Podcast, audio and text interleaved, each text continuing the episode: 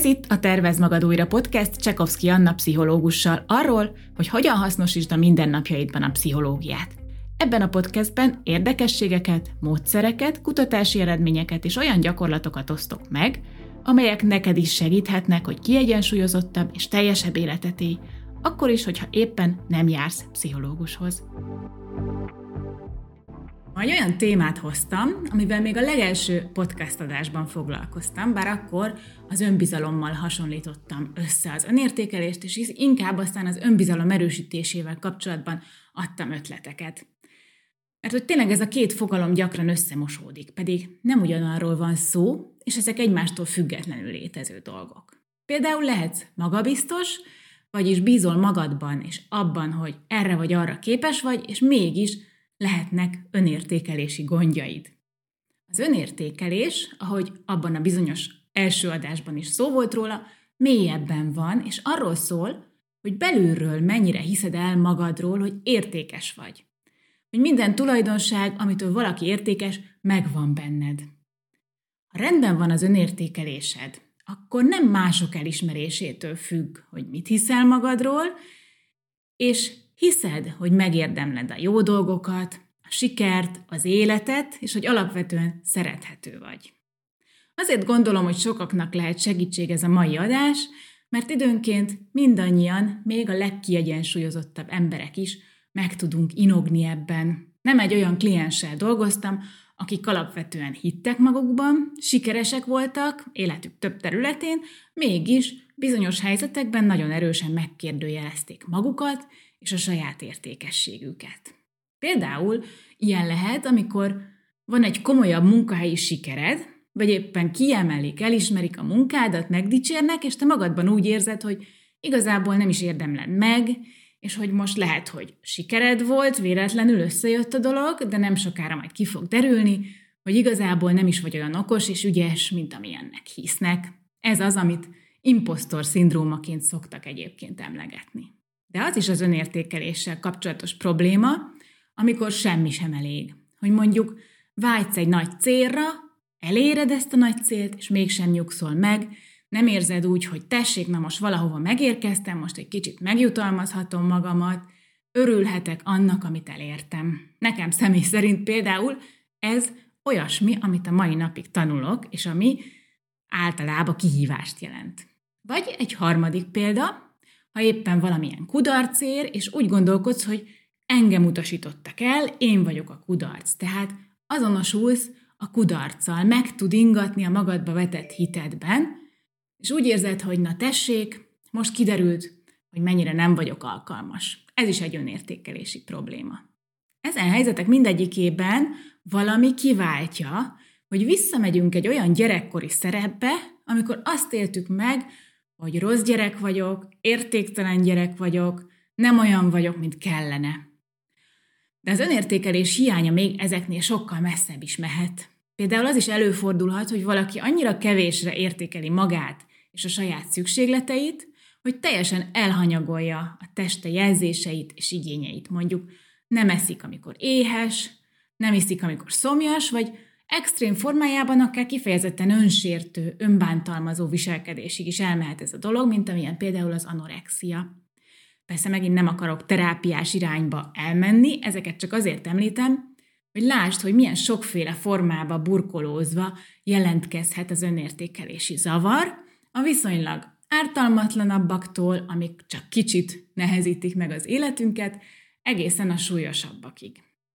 Ennek a podcastnek továbbra sem célja az instant terápiás kezelés, hanem inkább ma is néhány fogódzót szeretnék adni akkor, ha magadra ismersz egyik vagy másik helyzetben az előbb felsoroltak közül, és szeretnél elkezdeni változtatni.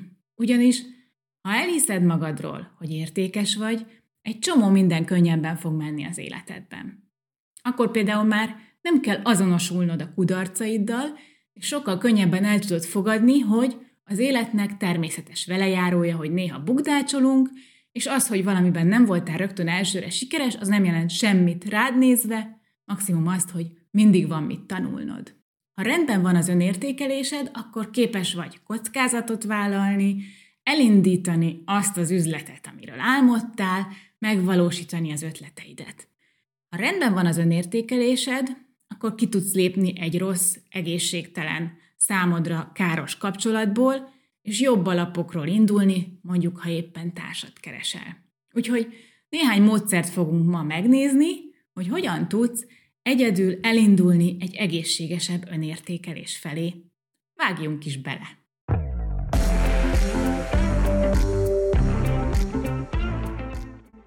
Lehet, hogy ebben hasonlítasz hozzám, sőt, merem remélni, hogy azért is vagy itt. Én mindesetre szeretem érteni a dolgokat, hogy mi honnan jön.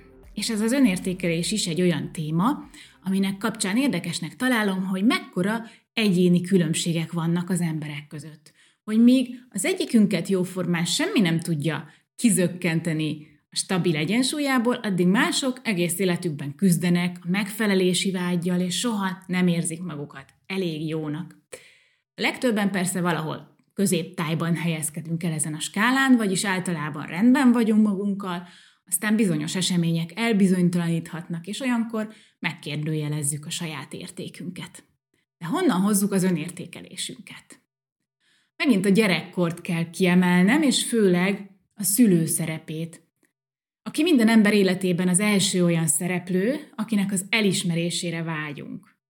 Egyrészt nagyon sok múlik azon, hogy a szüleink milyen szellemben neveltek minket, és azt sugározták-e felénk, hogy jók vagyunk úgy, ahogy vagyunk, vagy éppen folyamatosan kritizáltak és magas elvárásokat követeltek.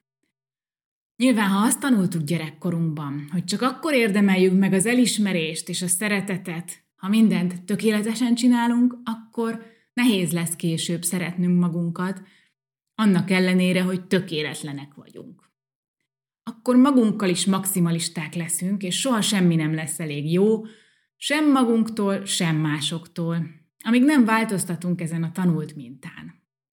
A másik tényező, ami erősen hat az önértékelésre, az az, hogy azt láttuk otthon, hogy a képességek, a tulajdonságok és végeredményben egy ember értéke az egy stabil, megváltoztathatatlan dolog, vagy ellenkezőleg egy folyamatosan fejleszthető dolog. Más szóval, hogy úgy is hívják ezt, hogy rögzült szemléletben, vagy pedig fejlődési, növekedési szemléletben neveltek. Ha például azért dicsértek, hogy milyen okos vagy, milyen tehetségesnek születtél, vagy a hiba, a tökéletlenség nem volt elfogadható opció a családodban, akkor rögzült szemléletben nevelkedtél, amiben valamilyennek születünk, aztán azon már nem igazán lehet változtatni. Aki így nőtt föl, az saját magától egész életében azt várja, hogy azt a bizonyos tehetséget, okosságot, tökéletességet még akkor is fenntartsa, hogyha csak látszat. Egy ilyen ember nehezebben fog nekifutni egy olyan kihívásnak, aminek a sikerében nem biztos. Magyarán inkább megmarad a komfortzónáján belül, ismerős területen, hogy nehogy kiderüljön róla, hogy mégsem tökéletes. Aki viszont növekedési szemléletben nevelkedett, vagyis inkább azt erősítették a szülei, hogy a szorgalom, a munka meghozza a gyümölcsét, vagy hogy mindig lehet változtatni a dolgokon, semmi sem előre meghatározott, ő rugalmasabb szemléletet hoz otthonról. Hisz a saját erejében, és hogy mindig lehet jobb, tehát ha nehézségbe ütközik, akkor nem adja fel, hanem gyakorol, hogy jobb legyen. Ő az, aki újra és újra neki fog futni egy nagyobb feladatnak, akkor is, ha nem jár sikerrel. Mondjuk újra vállalkozni fog, még hogyha az előző üzleti próbálkozása nem is volt egy nagy sikerélmény. Vagy éppen hinni fog abban, hogy nem azért nem talál párt, mert vele van baj, vagy a világgal nincs rendben valami, hanem mert még nem találkozott a megfelelő emberrel, és hogy a következő párkapcsolata ettől még lehet boldog. Ha te szülő vagy, akkor nagyon fontos erre odafigyelni, hogy milyen mintát mutatsz a gyerekednek. Ez azon is múlik, hogy miért és hogyan dicséred meg. Ha mondjuk jó jegyet kap az iskolában, akkor azért a szülők le- legtöbbje mond valamit, remélhetőleg, de nem mindegy, hogy mit. Ha azért dicséred, hogy milyen okos, akkor azt erősíted benne, hogy mivel van esze, ezt folyamatosan bizonyítania is kell okos vagy, akkor soha nem lehetsz buta. Ez a rögzült szemlélet. Miközben, hogyha belegondolsz, ez egyszerűen nem igaz. Egy okos ember is tud bután viselkedni, és vice versa. Ha viszont azt mondod neki, hogy büszke vagy rá, hogy ilyen jól dolgozott, és meg is lett az eredménye, akkor arra tanítod, hogy kitartással, szorgalommal bármit el tud érni. Hát én mindenképpen az utóbbira biztatnálak. Tehát, ha gyereked van, akkor inkább az igyekezetét dicsérd, a tenni akarást, és akkor azt fogja megtanulni, hogy az eredményei rajta múlnak, és semmi sincs előre elrendeltetve. Persze túlzás lenne azt állítani, hogy mindez csak a szüleinken múlik, hiszen más élményeink is alakítják, hogy hogyan gondolkodunk magunkról, például az iskola, a tanáraink, vagy akár egy edző, aki nagyon kritikusan állt hozzád, és mindenféle rosszat mondott rád, vagy éppen ellenkezőleg azt tanította, hogy ha most nem is úgy sikerült, ahogy szeretted volna, attól még máskor javíthatsz az eredményeiden. Aztán ott vannak a társadalom hatásai. A nyugati társadalom az egy erősen versenyorientált közeg, ahol azt az üzenetet látjuk mindenhol, hogy jobbnak, sikeresebbnek kell lenni másoknál, hogy legyél te a győztes, és mindent rangsorolunk. Már az iskolában ugye megvan a rangsor, hogy ki miben jó, ki az, aki lemaradt, aztán a munkahelyen megy tovább a verseny, az üzleti világban is, a közösségi médiákon zajlik a sikeresség meg a boldogság versenye, hogy kinek van a legjobb, legtökéletesebb élete, legszebb családja, legmenőbb utazásai, olyannyira, hogy még a teljesen ártatlan szabadidős tevékenységeinkbe is bekúszik ez a verseny. Mondok egy példát, ami velem esett meg. Minap rajzolni voltam egy csoportban, és a szünetben kicsit ismerkedtünk. Beszélgettünk, megnéztük egymás rajzait, hogy ki mire jutott így a vázlataival. Hát én nem voltam különösebben büszke az alkotásomra, még szabadkozva mondtam is, hogy én nem vagyok egy művész, csak így hobbiból rajzolgatok. Ugye ez már egy jele annak, hogy bennem is mennyire ott van ez a versenyszellem, még ha nem is akarom. Hogyha valamiben le vagyok maradva, akkor az olyan ciki. De volt egy lány, aki még nálam is messzebb ment, mert ő egyáltalán nem mutatta meg a rajzait, annyira cikinek érezte, hogy nem profi. Pedig ez egy olyan közeg, ahova amatőrök és művészek vegyesen járnak. Ha nem azt tanultuk volna egész életünkben, hogy csak a legjobb az értékes, akkor nem lenne ezzel gondunk. Egy kisgyereknek például még nem gond megmutatnia, amit csinált. A baj akkor kezdődik, amikor gyerekként elkezdtük szégyelni azt, ami nem tökéletes. Tehát mindig hasonlítgatjuk magunkat másokhoz, és itt is van egy olyan technika, amit érdemes bevetned, hogyha ezen kapod magad, hogy ahelyett, hogy azon gondolkodnál, hogy más mennyivel előrébb tart, inkább azt vedd észre, hogy te is mennyivel előrébb tartasz, mint korábban. Lehet, hogy nem rajzolok úgy, mint Leonardo da Vinci, de ahhoz képest, ahogy két éve rajzoltam, ma egy kicsit jobban eltalálom az arányokat. Lehet, hogy nem csinálok olyan érdekes podcasteket, mint a Hihetetlen Történelem, de folyamatosan egyre többen hallgatnak. Te is azt nézd, hogy ahhoz képest mennyit fejlődtél, ahonnan indultál. És nem is kell mindenben fejlődnünk. Az is teljesen oké, okay, hogyha van olyan területe az életednek, amiben nem akarsz most fejlődni, nincs ebben semmi szégyelni való, a teljesen átlagos teljesítmény is rendben van. Például vannak dolgok, amiben átlagon felüli akarok lenni, és olyan is van, amiben megelégszem az átlagossal, vagy akár az átlagosnál gyengébb teljesítménnyel, mert én ebben nem akarok fejlődni, és teljesen rendben vagyok a meglévő szintemmel. Tehát az önértékelés egyik kulcsa, hogy ne hasonlítsd magadat mindenben másokhoz, hanem állítsd fel a saját fontossági sorrendedet.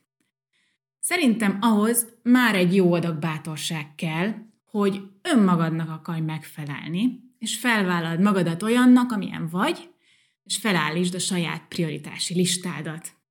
És ez az is hozzátartozik, hogy jogod van a saját boldogságodat keresni, és jogod van nemet mondani bizonyos dolgokra, és jogod van a saját értékrendet szerint élni, akárki akármit is gondol róla. Például, hogyha valaki visszaél a bizalmaddal, arra jogod van azt mondani, hogy nem ápolsz vele közelebbi kapcsolatot. Vagy ha neked mondjuk most fontosabb, hogy időben hazaérj és pihenj, mint hogy bent maradj túlórázni, akkor jogod van azt mondani a főnöködnek, hogy már van egy programod estére, és nem tudsz benn maradni. Minden alkalommal, amikor kiállsz magadért, az önértékelésedet erősíted. Sokan azt tanultuk, hogy tiszteljük a másik embert, tartsuk tiszteletben a jogait, de ugyanilyen fontos, hogy saját magunkat tiszteljük, csak ez nem megy mindenkinek olyan könnyen. Tehát a határok meghúzása erősíti az önértékelést. Erről egyébként már volt egy adás a people pleasing kapcsán, majd be is teszem ide a linkjét az epizód leírásába. Önértékelés szempontjából az a meggyőződésem, hogy az sem mindegy, hogy kikkel vagy körülvéve.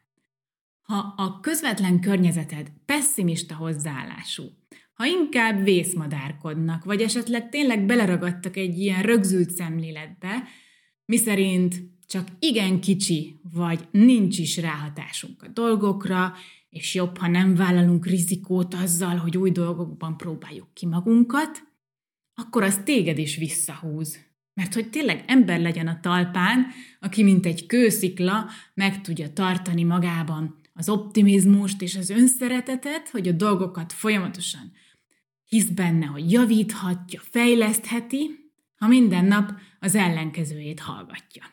Tehát olyanokkal vedd magad körbe, akik elfogadnak és támogatnak, és sajnálom, hogy ezt kell mondjam, de nekem is ez egy nehéz lecke volt megtanulni, de akik nem ilyenek, azoknak mennie kell, vagy legalábbis érdemes tartani a két lépés távolságot, hogyha nem akarod elkapni te is ezt a korságot.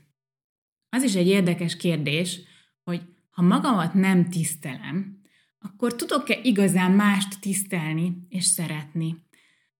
Nekem ezzel az a tapasztalatom, hogy csak annyira leszel képes bárki mást is értékelni és szeretni, amennyire magadat. És ha nem úgy működnek a kapcsolataid, ahogy szeretnéd, vagy mondjuk mindig visszaesel ugyanabba a mintázatba, ugyanabba a gödörbe, akkor lehet, hogy itt van a kutya elásva. Hiszen ha én nem érzem magam szerethetőnek, akkor valahol mélyen magam sem hiszem el, hogy egy másik értékes, értelmes ember képes lenne engem szerethetőnek és értékesnek látni. Tehát még ha valaki szeretettel is közeledne hozzám, azt sem tudom fogadni. Most ezt a saját szavaim helyett hadd mondjam el Müller Péter szavaival, tőle idézek. A másikhoz vezető híd önmagadon átvezet. Neked kell alkalmassá válni arra, hogy szeretet képes légy. Rá kell hangolódnod. Szeretni kell önmagadat félemberként is. A szeretet hullámhosszán hirtelen azt tapasztalod majd, hogy igen sok idegen ember alkalmas arra, hogy mélyen megszeresd. Nem is gondoltad volna lehangolt állapotodban, hogy mennyi. Akit eddig észre sem vettél, idegennek tartottál, most rájössz arra, hogy ismerős. Ha a szeretet világában élnél, rádöbbennél, hogy mennyi emberrel tudnád boldogan leélni az életedet. Nagyon fontos gondolat. Szeretni önmagadat félemberként is. Akkor is, ha egyedül vagy, akkor is, ha tökéletlen vagy, és akkor tudod kinyitni a szívedet mások felé. Az önértékelés alapja, hogy tisztában legyél a saját értékeiddel és az erősségeiddel is, és a másik oldalról pedig, hogy elfogadd a hiányosságaidat. Ebben pedig az önismereti munka egy pszichológussal nagyon sokat tud segíteni, főleg akkor, ha magad sem igazán tudod, vagy nem mered ezeket megfogalmazni.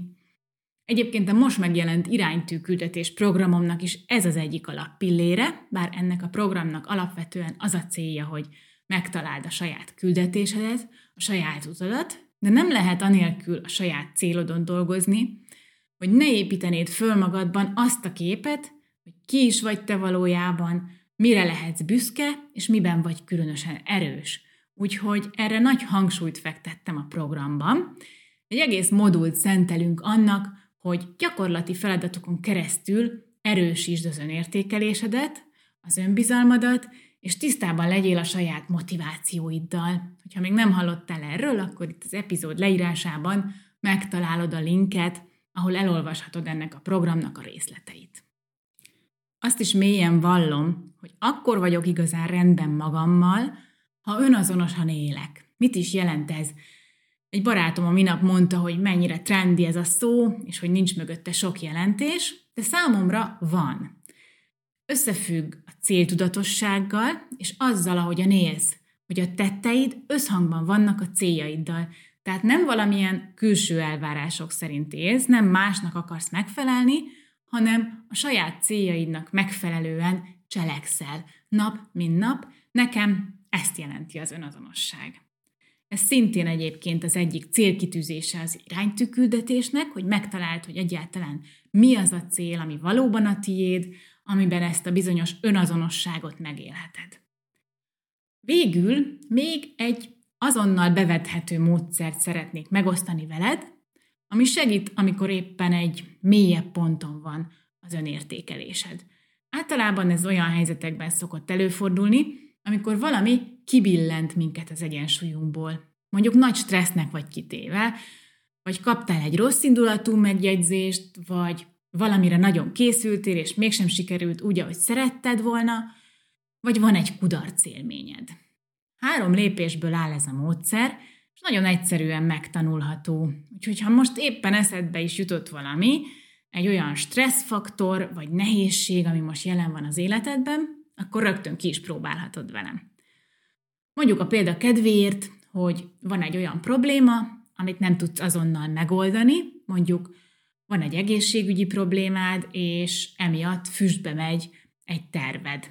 Ez egy kliensemmel esett meg, hogy nagyon készült rá, hogy a cég, ahol dolgozik, benevezte őt egy szakmai programra, amire régóta várt, de megbetegedett, nem tudott elmenni, és helyette egy másik kollégát küldtek. Az első dolog, amit ilyenkor tehetsz, hogy empatikus vagy magaddal. Tehát nem tetézed a szenvedésedet azzal, hogy bosszankodsz, vagy ne talán olyan gondolatokat fogalmaznál meg, hogy micsoda szerencsétlen, meg béna dolog így lebetegedni, hanem ehelyett együttérzően gondolkodsz erről, és úgy állsz magadhoz, ahogy akkor reagálnál, ha egy barátod lenne ilyen helyzetben. Mondjuk ez lehet egy olyan együttérző gondolat, mint hogy amit megélek, az tényleg nagyon nehéz, vagy hogy normális, hogy frusztrált vagyok, és csalódott vagyok. De fogalmazhatsz úgy is, mint hogyha tényleg kívülről beszélnél magadhoz, hogy Anna, most nehéz neked. Ez az első lépés. A második lépés azt elfogadni, hogy a szenvedés, a fájdalom az élet része, és hogy nem vagy ebben egyedül. A buddhista pszichológiának az egyik alapgondolata az együttérzés, és hogy mindennel a világban kapcsolatban állunk, és hogy emberként osztozunk a fájdalomban is, hogy ez egy közös élmény. Ha együtt tudsz érezni másokkal, és elfogadod, hogy te is egy vagy az emberek közül, akiknek az életében jelen van a fájdalom, akkor tudod, hogy nem vagy egyedül, hogy a világgal osztozol ebben. A harmadik lépése pedig ennek a módszernek, hogy légy elnéző és támogató magaddal. Ez akár fizikai támogatásban is megnyilvánulhat, sőt, az egy nagyon jó gyakorlat, hogy mondjuk a melkasodra teszed a kezedet, vagy például akár átöleled magadat, és úgy beszélj magadhoz, hogy egy barátodhoz beszélnél. Ilyenekre gondolok, hogy minden rendben lesz, veled vagyok. Ezzel megtámogatod magadat, leföldeled magadat, azzal, hogy fizikailag is megérinted magadat, erősíted az önmagaddal kapcsolatos tudatosságot. Ezek olyan módszerek, amiket a szorongásoldásban is használnak. Magadat megnyugtatni, hogy egy barátodat megnyugtatnád, ez egy nagyon hasznos képesség, és hogyha gyakorolod, akkor ez is egyre jobban fog menni, és kialakíthatsz magaddal egy konstruktívabb, támogatóbb kapcsolatot. Na hát így az adás végén kicsit idézzük fel, hogy mik voltak a főbb dolgok, amiket az önértékelésed eléréséért vagy erősítéséért tehetsz. Egyrészt erősítsd magadban a fejlődési szemléletet, és gondolkodj magadról úgy, hogy egy úton vagy, ahol folyamatosan fejlődhetsz, és amit kitűzöl magadnak, azt el is tudod érni. Mindig saját magadhoz mérd a fejlődésedet, és ne másokhoz. Állj ki magadért, tanulj asszertivitást, mondj nemet azokra a dolgokra, amik nincsenek összhangban a te prioritásaiddal, és keresd azoknak a társaságát, akik hozzád hasonló szemléletűek, és a kárállókkal szemben egy kicsit érdemes immunizálni magadat. Tisztázd a saját értékeidet, erősségeidet, és élj önazonos módon, legyenek meg a céljaid. Ha pedig érdekel, akkor nézd meg az iránytűküldetés programot, ami pont ebben segít, hogy önazonos célokat tűz ki, és el is indulj a megvalósításban. Remélem, hogy a mai adásban találtál hasznosítható gondolatokat, ha így van, akkor kérlek írd meg Instagramon, és ha tetszett, akkor oszd meg másokkal is ezt az adást, én pedig a jövő héten várlak egy újabb epizóddal. Addig is minden jót!